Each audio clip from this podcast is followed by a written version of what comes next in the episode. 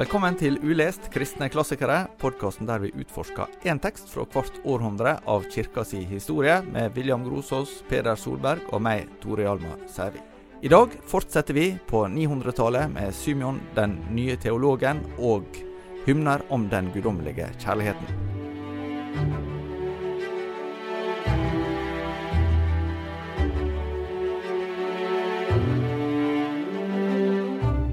Jeg tok eh, introduksjon på nynorsk i forrige episode, så ble det bokmål i denne episoden her. Eh, denne boka fins verken på nynorsk eller bokmål, men den fins på engelsk.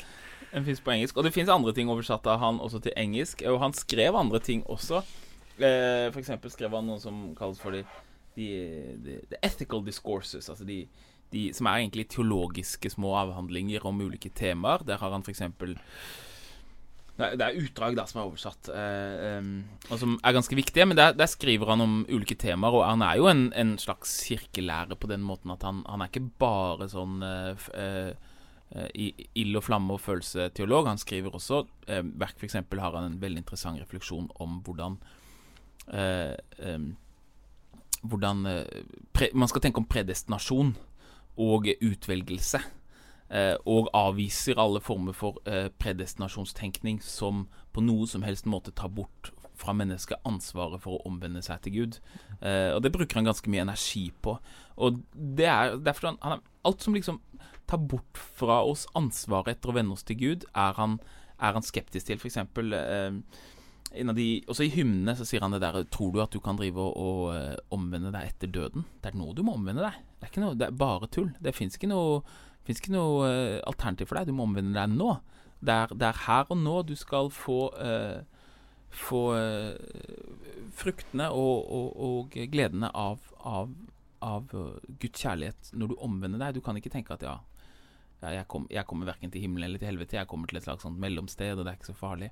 Ja. Eh, så, så, så han, han, skriver tekster på, og, om sånne temaer òg. En av de tingene som jeg la merke til når jeg så litt på, på disse hymnene, var jo at han han eh, Simon, den nye teologen, eh, sier at hvis, hvis en ønsker å bare unngå å gå fortapt, mm. så er jo ikke det noe Nei. Det er ikke noe ønskelig. Altså, du, du, må ville ha Gud. Du må ville ha Gud. Ja. Så, så, dette er uh, en av de mest sentrale poengene hans, som han stadig kommer tilbake til på nytt og på nytt. At det er ikke en sånn derre halvveis overgivelse til ja, som det kristne verdensbildet er nå. Ok, ja, jeg lever liksom Nei, du skal, det er Gud du skal søke deg Gud. Relasjonen du skal ha. sant? Eh, og, og, og, utgangspunktet vårt her er jo dette med erfaring, som vi snakka mye om i forrige episode. Ja. Og jeg, jeg lurer på hva består denne erfaringa egentlig i, Peder? Han beskriver eh, den på ulike måter, men altså, du kan si den første erfaringen som vi var inne på, som han, som han etter hvert uh, hadde et litt mer sånn distansert forhold til, og var det, var det egentlig Gud eller ikke? ikke sant? Så noe av det som han da beskriver som kriterium for for at det var en gudserfaring, det var denne innskytelsen, altså uh, kjærlighetens frukt. Uh, som Altså, for den onde kan ikke uh, inngi i meg større kjærlighet til mine brødre. Kan heller ikke inngi meg ydmykhet. Altså, den onde vet ikke hva ydmykhet er. så kjærlighet og lengselen etter Gud i seg selv er et for, for Simeon en, en, en uh, Hva skal jeg si Et kriterium for at Gud allerede er nær. Mm. Altså, Gud er nær i det at jeg i det hele tatt lengter etter at han skal være nær. Uh, så lengselen Det er farlige ting når du snakker sånn, Peder. Fordi ja. vi hører andre ting enn det du sier. Vi ja. hører kjærlighet. ikke sant? Når vi, ja. Jeg satt på bussen en gang og snakka om noen som Snakka med noen som var så opptatt av at det er en god ting med hasj. Alle er fylt med kjærlighet når de, når de ja. røyker hasj. ikke sant? Ja. Er, og derfor er, det, derfor er, det, jo liksom Hva er kjærlighet? Ja. Hva er kjærlighet? Fordi det er som, eh, som, en Som jeg også hørte en gang sa alle, alle, er jo for kjærlighet. Ingen er mot kjærlighet. Men, men, spørsmålet er hva er kjærlighet? Og det er Kristi kjærlighet. Det er den Kristi kjærlighet som, som gjør meg villig til å eh, Oppgi mitt eget, ofre meg selv for andre. Altså, den, det er det, det som er første Korinterbrev 13, egentlig. Nettopp. Og, og, og filipperbrevsimene, Altså det å ha, ha, Gud som forbilde. Han som fornedrer seg selv til døden på korset. Så det er den kjærligheten som er villig til å ta sitt kors opp, som, som, som, som egentlig Altså, det, det, det, har veldig lite med følelser å gjøre. Det har nesten det med å den viljen du får til å gjøre det som du egentlig ikke vil. altså det, Som du nettopp trenger Guds kraft for å, for å, gjøre. Det er den kjærligheten som man snakker om. sant? Eh, mm. og, eh, så dette er et kriterium. Og, og, og eh, eh lengselen, som sagt eh, Synserkjennelse. Og synserkjennelsen. Altså, fordi hva er det Guds nærvær gjør? Det viser meg hvem jeg er. Den sier, forteller meg sannheten. Uh, så disse tre uh, elementene er noe av det som han beskriver som som hva skal jeg si, kriteriene for at det er sann gudserfaring. Så, så det er ikke bare det at du fryser på ryggen og tenker at det må være noe større? Nei. nei. Det, Gud kan være i alt, men ja, for, det, er, for, det er jo litt sånn så, så noen kan Jeg var på en konsert, og ja. det var så fantastisk. Det, det var, eller jeg husker jeg snakka med en som hadde vært på en leir en gang, og Gud var sterkt til stede. Ja. Og så tenkte jeg ja, ja det, det var litt interessant å høre hva du mente med det. Fordi altså, Han er jo veldig bevisst på sånt som han sant, også har lært av den åndelige tradisjonen helt fra Økenfeder. At, at åndelige erfaringer er forskjellige ting.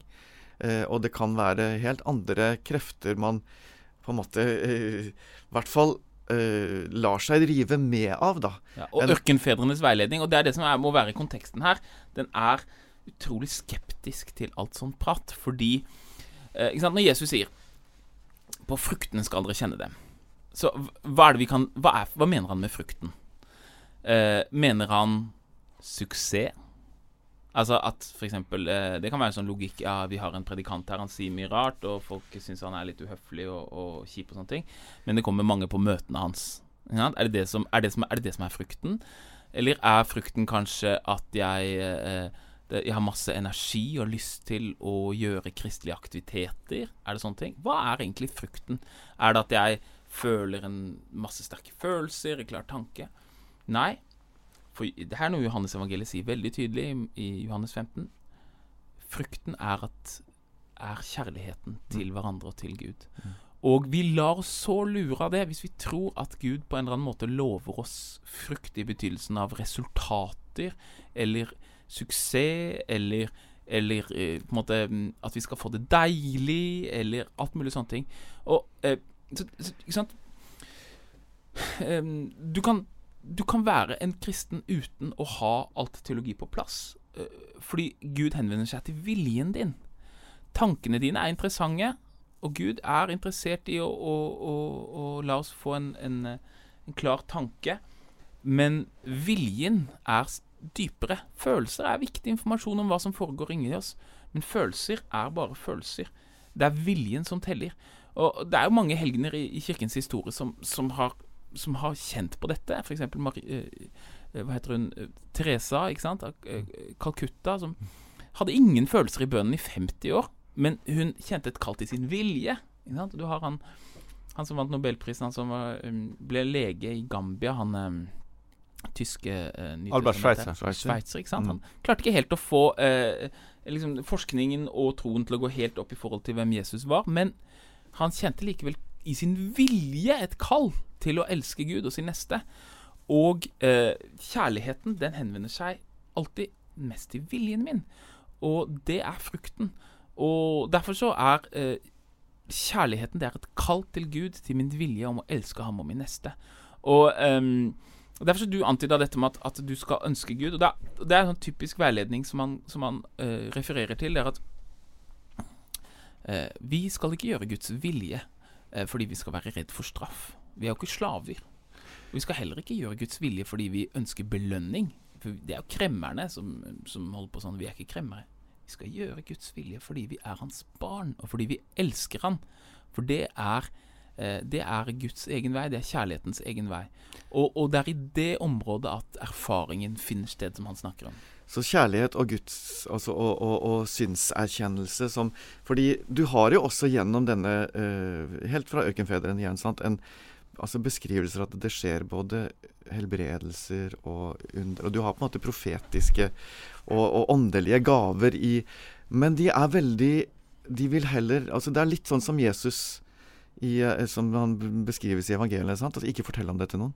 Mm. Ikke, altså, altså, for det er ikke dette som, som man skal søke i, i gudserfaringen heller. Altså de spektakulære eh, Gled dere heller over at deres navn er, er skrevet i himmelen, sant? Eh, eller i livets bok, eller ja. Um, så, uh, så, så du har sånne fortellinger fra ørkenfedre om, om, om ikke sant? folk som kom, å, De har hørt om en eller annen uh, munk der ute som, som, uh, som helbreder, og de forsøker å finne ut det. Og så, så møter de en skitten fyr, og så sier nei, nei, han er jo en, en kjeltring, en sjarlatan, bare glem han. han er, og så viser det seg etter hvert at det er jo faktisk han sjøl. Altså han, eh, han de har møtt, er denne munken. Ja. Men han vil ikke bli oppsøkt fordi at han liksom kan gjøre et eller annet spektakulært. erfaringer eller Nei, Det er jo litt det samme som Jesus Saun døper han Johannes. At eh, hva gikk dere ut i ød- ød- ødemarka for å se? Ja. Altså Det var ikke en som var kledd i fine klær eller klede eller ja. Ja, ja. Så, så, så, så du har en sånn, sånn eh, antisuksess-budskap. Mm. og Faktisk også når det gjelder på en måte det åndelig spektakulære. Ja, og Altså, Derfor er det så farlig når disse tingene kombineres med medievirkelighet. Eh, eh, masse mennesker som kan samles på samme sted fordi vi har utrolig store mikrofonanlegg. Og eh, menn, eller kvinner også, men mest menn, som, som liksom selger åndelig suksess. Mm. Jeg er ond, Her jeg altså, liksom, her jeg kommer, så jeg ber for folk, og folk faller, og de får åndelige erfaringer, og bare se på meg, og jeg Jeg er liksom blid. Jeg er suksess. Jeg er åndelig suksess. Men, men, men mens den tradisjonen som vi finner i den første kristne kirke, det er at vi er ikke interessert i det. Vi er interessert i de, sal- de fattige, de som lider, de som er villige til å gi sitt liv for å Og, og, og, og ydmykheten, sant. Fordi det er jo det er fra ørkenfedre. Altså, OK, du har mange forskjellige synder som du kan bli, eh, altså falle for osv., men dypest sett så er hovmote. Mm. Hovmotet er den synden som på en måte eh, ligger under alle ting, helt fra Adam og Eva grep etter altså å ville bli som Gud. Sant? Så, så, eh, så hovmotet er det man skal bekjempe, og ydmykheten er også da Det er det som er tegnet på åndelig vekst. Og det er også det som, som, som, eh, som Simon også eh, Helt konkret, hvilken kjærlighet er det han har etter den åndelige opplevelsen? Jo, det er det at han kjenner at han skal være tjener for sine brødre. Mm. Altså, det er, det er den type åndelig erfaring som bekrefter at altså, Eller åndelig tolkning, da, som bekrefter at dette er en åndelig erfaring. Som er eh, fra Gud. Nettopp denne kjærligheten som eh, også eh, konkretiserer seg i ydmykhet. Du nevnte litt eh, i forrige episode William, at eh, det med synsbekjennelse det var noe som man var helt eh, ufravikelig på som et krav. og Det førte jo til et opprør også i det første klosteret han var i. Det kom et annet kloster seinere der han har skrevet antagelig det meste av eh, den boka vi har for oss i dag. Men hvorfor er dette med synsbekjennelse og tårer så viktig? Hva er det det skal skape? Ja, altså det er jo Øh, øh senere at det kommer inn som liksom kirkelov at det helst Og sånn har det jo vært i Vestkirken siden, siden ca. denne tiden, faktisk, 1000-tallet. At når du skal skrifte, så bør det være en prest. Men det var Det var ikke kirkelov på den tiden, men det var eh, Det var liksom forventa. At eh, Ikke sant? I Johannes evangeliet, kapittel 20, så sier Jesus eh, Han puster på disiplene, og så gir han disiplene, apostlene, et spesielt oppdrag om å løse og binde. Og tanken for de tidligkristne det er at dette aposteloppdraget det er ikke gitt til alle kristne, det er gitt til de som har fått det ansvaret gjennom prest- og biskopsembetet. Men samtidig så står det vel i 1. Johannesbrev ikke det å bekjenne, bekjenne synden for hverandre? Yes. yes. Så, så den eh, Absolutt. Og, og det fins Derfor så lever som Peder antyda i forrige episode, så lever det liksom to tråder ved siden av hverandre. Du kan si du har en en, en, eh, en gyllen tråd av åndelige veiledere. eh, skal si Karismatiske mennesker som får sin autoritet basert på sin gudskjærlighet og sin ydmykhet. Og så har du en annen tråd av mennesker som får sin autoritet basert på det embetet de står i. Og disse to trådene som går, de eh, trenger hverandre, kan velsigne hverandre. Det profetiske og det prestelige, eller det frie og det faste, eller hva du skal kalle det. Men spennet kan noen ganger være stort. Eh, det kan bli akutt, sånn som det blir litt som Simon. Og noen vil jo si at litt av på en måte reformasjonsproblem, eller litt av problemet med kirkelivet i moderniteten, er jo at disse tingene mange steder fullstendig har tatt farvel med, hverandre, og at alle taper på det. Eh, og fordi eh, I ortodokse kirken så finner du eh, I Russland f.eks. De som har lest Dostojevskij, kjenner til starets-tradisjonen. Det er mennesker som er, har en åndelig autoritet som ikke biskopen på en måte styrer over. Og de har den i kraft av sin ydmykhet og sin åndelige veiledning. Og, og eh, disse to tingene eh, lever et spenningsforhold til hverandre. Og, og Symeon, Et av konfliktene her det er jo at Symeon har tatt imot skriftemål av Simon Evlabas, altså hans åndelige veileder, som ikke var ordinert prest. Så selv om Simon selv blir ordinert prest, så har han tatt imot skriftemålet. Og er dette greit? Er dette godkjent? Eh, eh, hvordan skal det være det? Og denne spenningen da mellom presten og profeten, den lever, den kjemper vi med i dag. Og vi kan ikke la si, ordningen bli borte. Vi kan ikke la eh, den systematiske teologien og, og eh, vi kan ikke bare la liksom Ja, hvem er det som roper høyest og sier at de eh, Vi kan ikke la de bestemme bare. Det må være en, en slags bevegelse mellom dem. Men det er veldig trist når de eh, brytes helt fra hverandre, da, som, som eh, noen vil si har skjedd eh, i, i, hvert fall deler av av den moderne, moderne kirken. Da. For det er jo det som er øh, Hva skal jeg si Altså, det, du finner knapt nesten noen tekster i kirkens historie som er mer kritisk til til slapp åndelighet, eller til, til, hva skal jeg si, til, til det slappe presteskapet da, og, og, det, og, det, korrupte presteskapet enn det vi finner hos Simeon.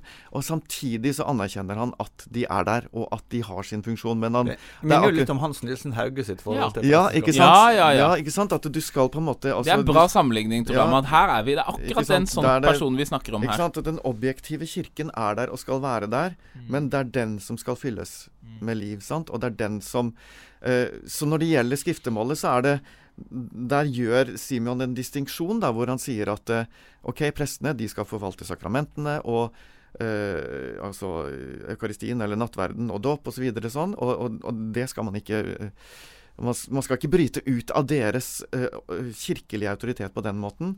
Men på denne tiden så er det faktisk en diskusjon. Altså er, er skriftemålet et sakrament på denne måten? Er det prestene så, så, så det er litt sånn anakronistisk også når man på en måte sier at ja, her bryter Simeon ut. Han sier at liksom, det er ikke bare prestene som skal ha, ha Men det er tradisjon, er det ikke det? Det er Selv om ikke det er skrevet i lov, og jeg er enig i det. Ja, så, det, sant, men, og i, men, men i, I katolske kirke så blir det jo etter hvert noe man prøver å kontrollere veldig sterkt. Absolutt. Særlig fra 1100-1200-1300-tallet. Absolutt. Og det er, jo, altså, eh, det er jo nettopp dette som William var inne på. Fordi problemet hvis at man på en måte legger autoritet til de karismatiske skikkelsene, er at eh, den som eh, snakker høyest om sine egne gudserfaringer osv. Altså, du får på en måte en autoritet som som, eh, som hever seg over fellesskapet veldig lett. da. Ja, og, og det ser vi jo helt opp til, til nyere tid også. Du har hatt vekkelsespredikanter som har vært ikke-ortodokse i betyr. Altså William Branham er jo et, eh, et, et eksempel som kanskje noen vil kjenne til, som er, ikke står for egentlig en tradisjonell kristen dogmatikk, men som opplevde møter der det kom masse folk, og det skjedde masse. Og, Ja, og, ja. og en del opplever at wow, her, her dette er jo mye bedre enn det, det sånn kjedelige som vi går i, der de Ja. gjentar det samme og liksom Ja, ja. stivner til.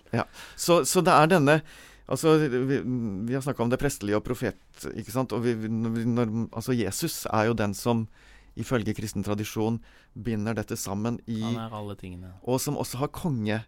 Ikke sant? Prest, profet, konge. Som er de tre embetene fra Israels historie. sant? Og hva er kongen? Jo, det er Salmo. Det er visdommen som klarer å knytte disse tingene sammen uten å sette de opp mot hverandre. For det er det som William er inne på. sant? At Og det ser vi på Taborfjellet. Du har Moses, loven og profetene Profetene. Elia på andre siden. De to står på hver sin side, og Jesus er kongen eh, i midten som foreningen av de. Ja, Ja. Da Jesus ble forklara, som det heter. på Ja, så, så, så dette er eh, Hva skal jeg si? Altså, vi er midt inne i noe av det som er kjernespenningen da, gjennom hele kristendommens historie, og som William er inne på, noe av ulykken som, som vi kanskje kan si har eh, Ikke bare kanskje, jeg vil absolutt si det. eh, har skjedd i vestlig historie. Det er at man, man setter det opp mot hverandre på den måten at det faktisk blir til kirkesplittelser. sant?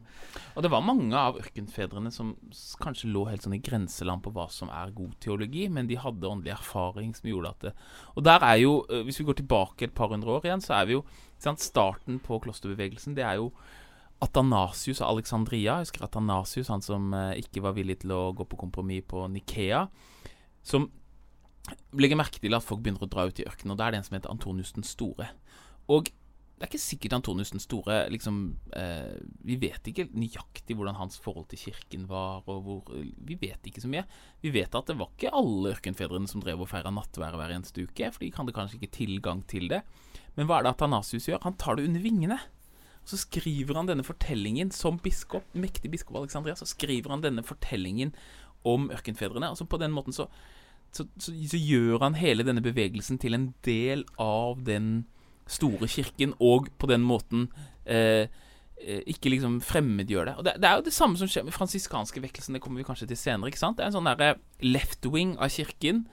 Og eh, paven er egentlig skeptisk til Frans av Assisi når han kommer. Skal vi ha enda en, en munkebevegelse? Og det er liksom ah, de er helt utafor, for de avviser all jordslig verdighet og sånne ting. Men så liksom sier Innocent den første, sier han ja, men OK, greit.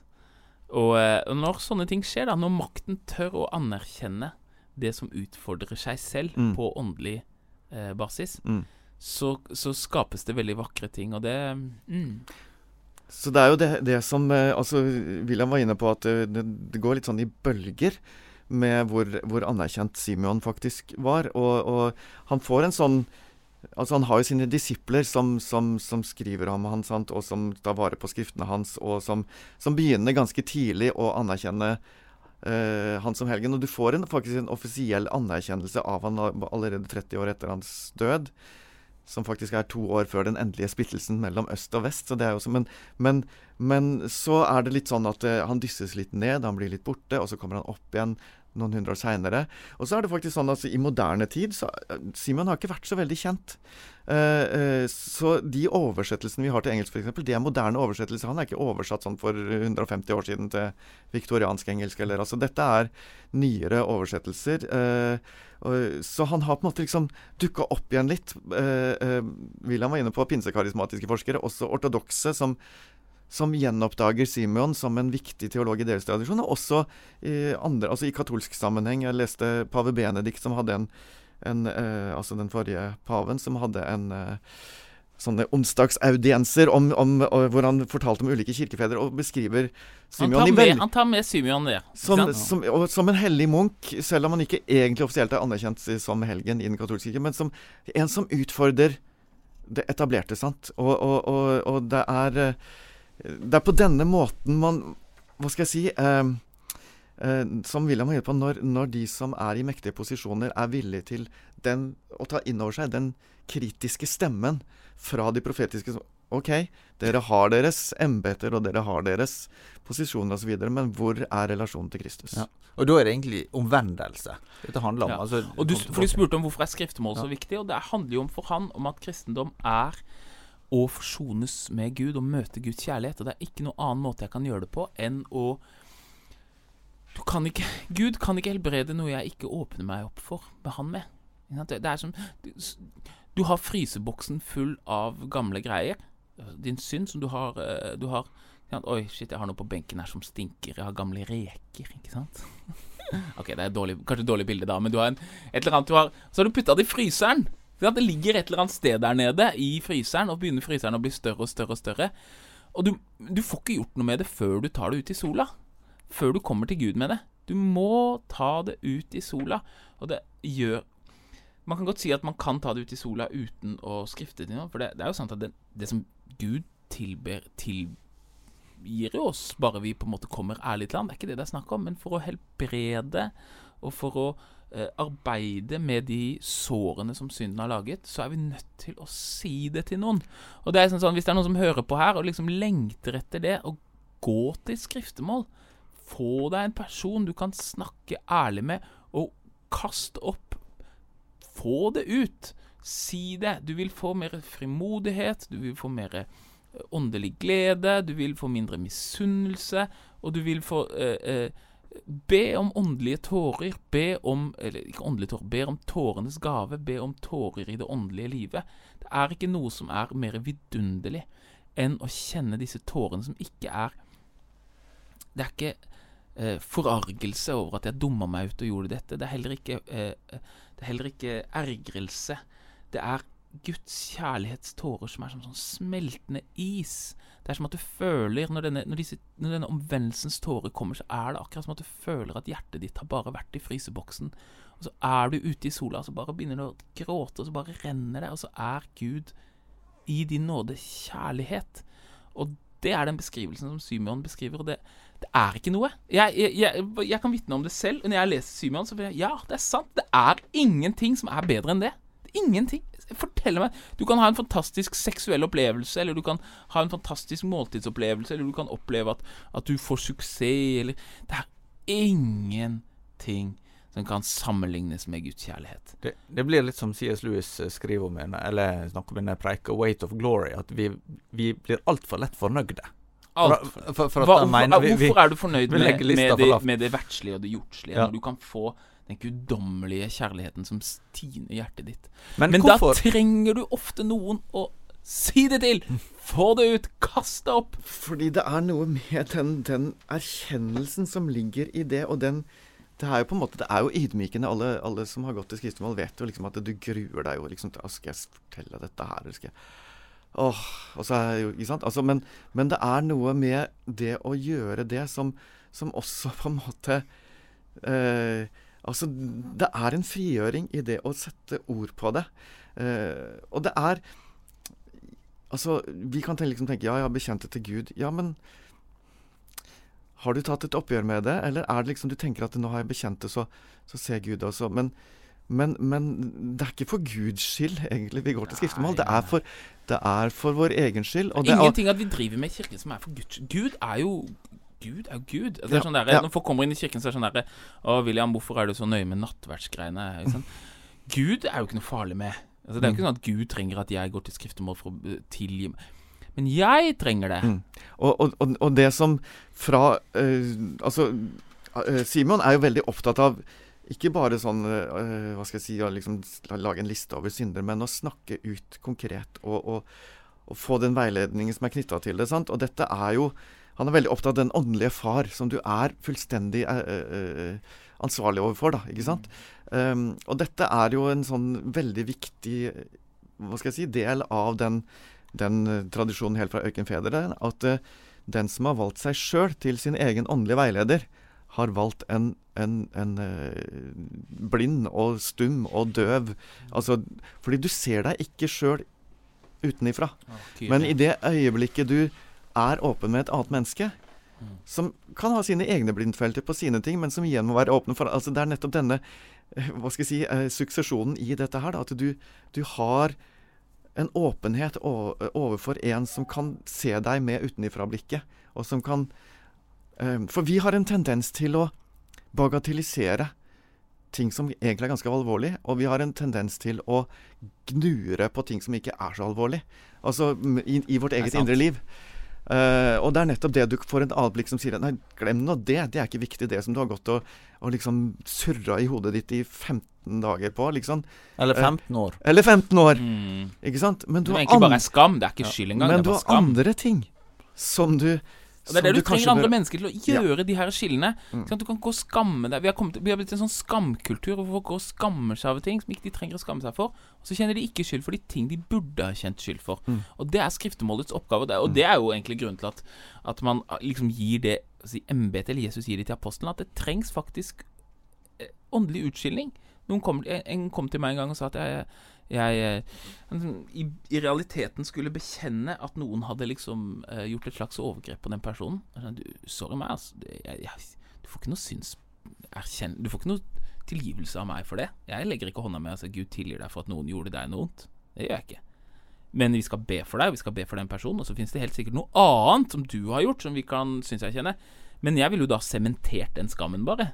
Ikke sant? Å ja, det var din skyld. Å gjøre de distinksjonene der det er det som skal foregå i skriftestolen, i skriftemålssamtalen. Og vi undervurderer det, eh, og vi tenker at vi klarer oss selv, og så er vi alle isolert med de, mange av de samme eh, smertene og syndene. Og der har du nettopp noe av liksom denne Hvorfor er Simon så opptatt at, vi, at den som du skal gå til skriftes til, har selv erfaringer mm. med møtet med Gud. Mm. For at du kan jo ikke gjøre de distinksjonene uten at du sjøl har erfart mm. hva som eh, altså hvordan den type distinksjon foregår.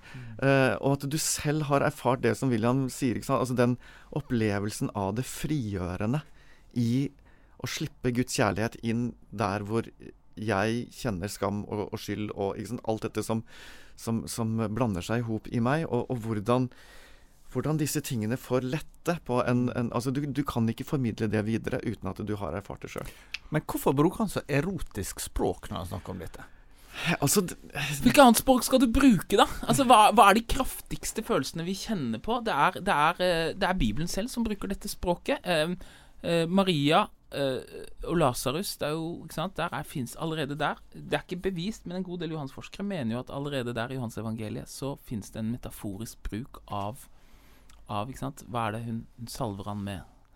Med, med krukken, ikke sant? Hva, hva er det hva slags olje er det? Det er myrra, ikke sant? Og hvor kommer myrra fra? Det fra ikke sant? Så det er, en, det er allerede i Bibelen så er det eh, et sterkt språk. Og, og, det som er liksom strukturen i høysangen, som de legger mye vekt på, det er først den derre 'jeg er svart', ikke sant? 'Jeg er ingenting', og så kommer det en, en brudgom inn i brudkammeret.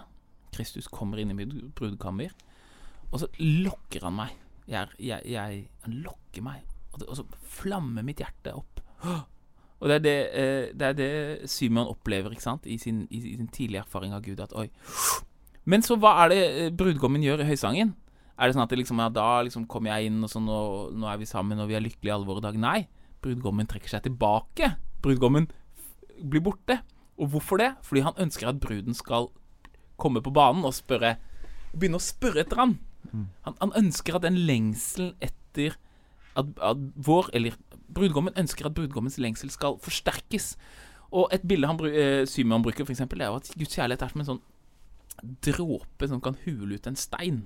Ikke sant? Altså, etter hvert så blir, så blir eh, plassen i steinen blir større og større og større. Til til slutt så på en måte er det Og Augustin snakker om det samme. Gud, Gud på en måte han, han gir oss, og så trekker han seg tilbake. Gir oss og trekker seg tilbake.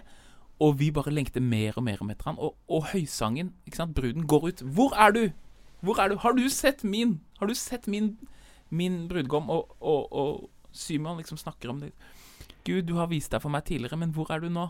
Hvor er du nå? Jeg lengter etter deg. Og til slutt så kan man oppleve at man er bare lengsel.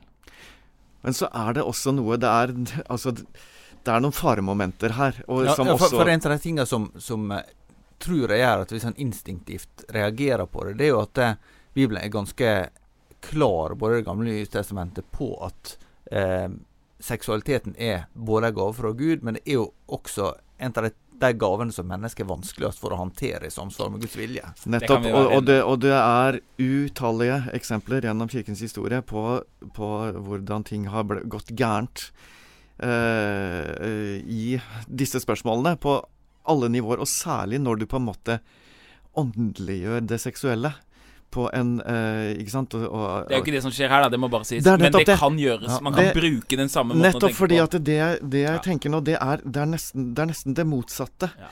Uh, altså fordi um, De åndeliggjør ikke det seksuelle, nei, men, fordi, men, det seksuelle språket eh, blir ikke lenger først og fremst fylt av begjær og kroppslighet. Det blir fylt av Eh, tårer og lengsel etter Gud. Og derfor så, Det er liksom ikke sånn at de går og tar på hverandre. Nei, og ikke sant, du tenker at liksom det, for en vei til det åndelige erfaringen er liksom via det seksuelle. Nei, eller et eller annet. Det, det, er ikke det, det hele tatt, men det er, det er mer sånn som, sånn som Simon Sember skriver det. ikke sant, Det er det som William var inne på i stad. Det er Altså, det finnes jo ingen erfaring som går dypere enn dette. Så på en måte Altså, hva er det seksuelle? Det er på en måte litt sånn overflatiske erfaringer på hvor dypt eh, eh, eh, man kan kjenne en lengsel og en forening. Ikke sant? Altså eh, så, En, en seksuell erfaring er jo en veldig dyp erfaring som, jo, som teologien sant? anerkjenner. Absolutt, men så, den men, igjen, selv om den er så dyp, den seksuelle erfaringen kan være så dyp og så enhetlig, at den igjen er på samme måte som vi snakket om i forrige eksempel, at, at uh, det er forskjell på gode og dårlige metaforer, så ja. oppfatter uh, liksom de kristne mystikerne at styrken i denne på en måte far... Eller styrken i den muligheten for forening, seksuell relasjon, er en god metafor for en mye og enda viktigere og dypere erfaring, og det er relasjonen mellom Gud og mennesker. Takk, William, for det var det når jeg sa overflatisk, så er det på en måte ironisk ment, for det er jo noe av det dypeste vi kan kjenne på. Ja. Men at, at, hele poenget hans er at selv det som på en måte er i Bibelen, en av de viktigste og sterkeste metaforene for vår relasjon til Gud, er fortsatt bare Selv i vår sant, konkrete erfaring av det, så er det en metafor for det som går enda dypere. Så, så eh, på ingen måte er, handler det om det overfladiske, men, men det er nettopp det at det, og seksuell, Seksualitet er jo heller ikke overfladisk. Det er ikke sånn at, og kan, De er jo munker, disse som skriver dette. Men, eh, men, også den seksuelle erfaringen Det er jo en slags anerkjennelse av det, selv om at også at mellom, når, Christ, når Paulus sier Eh, jeg snakker om et dypt mysterium i Fresebrevet, mm. om Kristus og kirken. Så snakker mm. han om ekteskapet. Så er det, en, det er en bevegelse som går to veier her. Det er både å si at ekteskapet i seg selv ikke er sluttmålet, men foreningen med Gud er sluttmålet. Men det er altså det motsatte.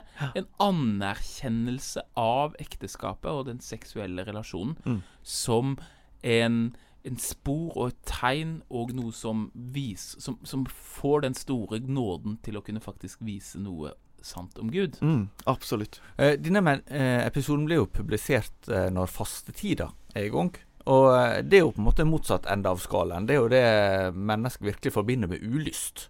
Eh, å avstå fra ting som en ellers eh, gleder seg over å nyte. Særlig mat. Det er jo eh, det, det, typiske. Mm. Hvordan, hva rolle spiller askese?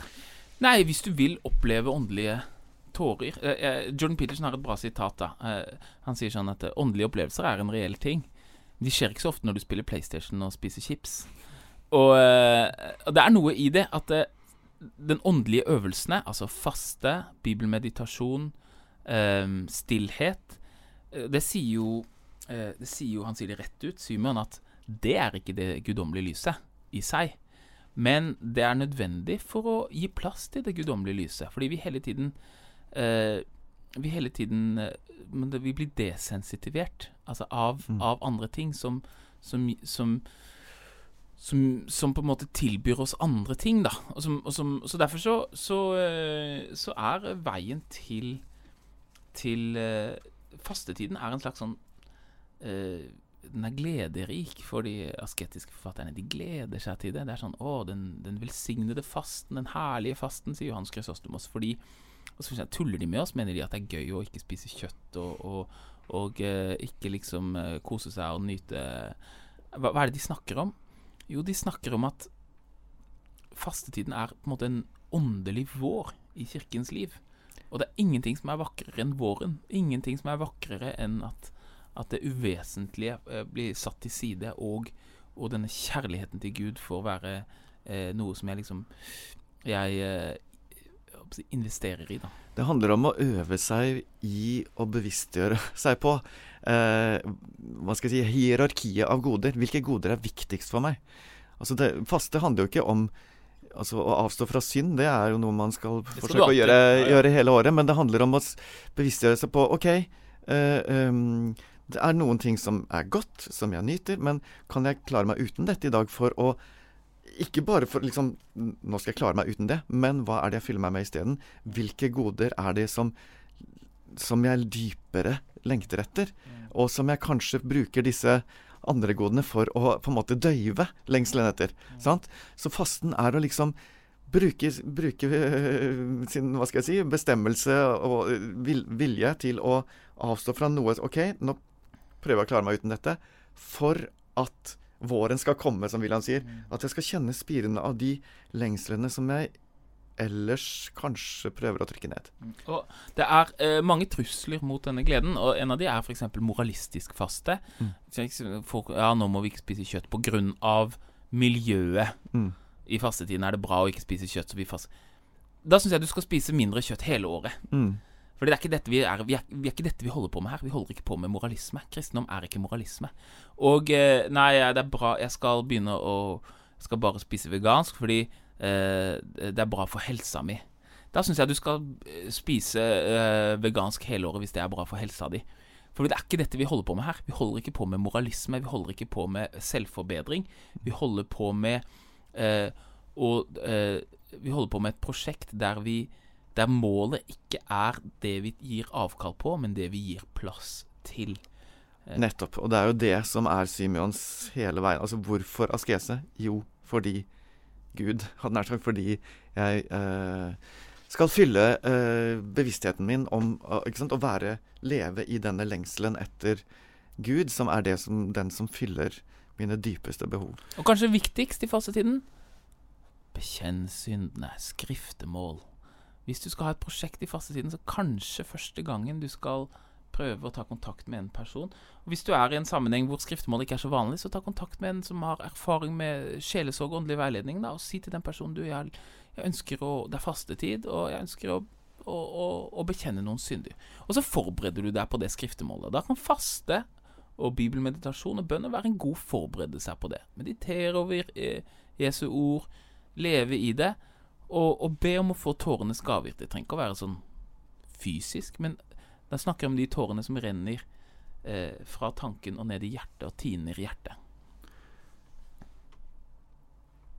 Vi har snakka en del om metaforer som er uvanlige hos eh, Symeon, som går på det erotiske. Men det er ikke bare sånne metaforer han bruker. Eh, er det noe annet å hente her fra, fra disse hymnene? Altså, det er eh, eh Som sagt, det er masse Masse bibelske metaforer, og masse igjen treenighetsteologi som han bruker. Eksempel så i denne hymnen som Peder snakket om, så så uh, bruker han ulike metaforer på, på, uh, på treenigheten. Uh, for eksempel En metafor han liker, er Han kaller det for tre soler. Og det er en sånn der Når vi snakket om i forrige episode snakket vi om filiokve. Filiokve-striden. Og i Vesten så liker man ikke å snakke om liksom, treenigheten som tre soler, men Gregor Nassians bruker faktisk det, da. og ja, og Det han også gjør, er at han Han gjør en del Han sier Han taler i førsteperson på Guds vegne og på Satans vegne. Altså Gud taler. Og, øh, og Kan man det? Altså jeg lærte det faktisk når jeg var i Ungdom i oppdrag, at det, man burde skrive liksom en åndelig journal. Og så burde man skrive sin bønn til Gud om morgenen. Og så burde man gå inn i, samvittigheten sin så burde man prøve å tenke Hva ville Gud skrevet til meg nå? Og om ikke, om ikke annet så kan det si noe om gudsbildet mitt, da. Og det er litt sånn han holder på, at det er flere steder at han han, han er så dristig at han liksom Gud taler. Eh, litt sånn som profeten i Gammeltestamentet. Eh, og eh, og, og da, da, bruker han jo ja, eh, et språk som er eh, igjen veldig dristig. Og, eh, og det, det, er mange metaforer som Lys kommer igjen hele tiden, selvfølgelig. Mm. vann kommer han til igjen ofte. Eh, men, men han snakker også om såret. Det er en metafor. Såret. Mm. Og hva er dette såret? Jo, det er den herre Gud har rørt ved meg. Gud har hørt Mennesker er som et såret rådyr liksom, som går og halter rundt i skogen. Nesten, Kjærlighetens pil har rammet meg. Sant? Kjærlighetens altså, sånn, pil har mm, rammet meg, mm. og jeg lengter etter han. Hvor er han, min elskede? Mm. Uh, så det er et sånn typisk, uh, ja, typisk bilde som, som, kommer fra Bibelen, kommer fra Høysangen. Uh, men også, uh, også lager han egne bilder, da. Men er han i kontakt med det folk Eller Luther, eksempel, snakker mye om svermeri. Eh, der han mener at det er mennesker som lar seg lede av åndelige opplevelser og erfaringer, og kommer vekk fra evangeliet, eller vekk fra bibelordet. Svermeri er en trussel, altså, mm. og det er det for hele eh, Og det er det som er liksom spørsmålet. Er det er, det, det er jo det disse biskopene vite Hvor er egentlig Simon? Er han over grensen? Mm. Eh, men han er ikke det. Og det er jo det som Kirken gjennom århundrer har innsett. Han er ikke det. Han, eh, for det første så er han Hans treenighetsteologi og hans eh, eh, er veldig kraftfull. For det andre så eh, snakker han om han, han, han, er liksom ikke sånn der selvrettferdig eller sånn Det fins ingenting av det. Guds kjærlighet er alltid en nåde som kommer til meg. Jeg er den fattigste av alle synder. Jeg er den største av alle synder. Um, men hva er det som er svermeri? Jo, svermeri for Luther, det er jo når åndeligheten på en måte mister kontakt med det vi snakket om i stad, med det, liksom det, det, det, ansvarlige fellesskapets eh, Hva skal jeg si ordninger, og, uh, og, ikke liksom er i kontakt med det. Uh, og Simon mister ikke den kontakten, men det er klart at Eh, man kan jo se for seg en annen situasjon der han hadde liksom blitt forskjøvet bort helt, og så hadde han endt opp og så hadde han vært aleine et sted. Men, men, det er ikke det som skjer med Symeon. Det er derfor han er, han er verdt å lese, da. Og nettopp det at han, at han forblir der, gjør jo at uh, at det budskapet som han har, forblir en varig utfordring innad i kirken. Sant? At man ikke mister kontakten med det. Eh, så, så, så, han er jo eh, på en måte på en ytterkant i, i hele sin vektlegging av, eh, av de åndelige erfaringene og av den autoriteten som ligger i det, og den mangel på reell autoritet som ligger i mangel på åndelig erfaring. Så, så han, han, kunne på en måte i, i, en annen verden ha endt opp som en svermer, da, for å bruke det uttrykket. Uh, men hans lojalitet til Kirken er nettopp også det som gjør han til en varig profetisk røst i Kirken. Da har vi lagt bak oss 1000 år med kirkehistorie, og vi er halvveis. snart halvveis. Men her er veldig mye spennende å fortsette med. Du har lytta til en episode av Ulest kristne klassikere. Det er en teologipodkast fra NLA Høgskolen og avisa Dagen. Har du tilbakemeldinger eller spørsmål til oss, så kan du gjerne ta kontakt på tore.krøllalfa.dagen.no.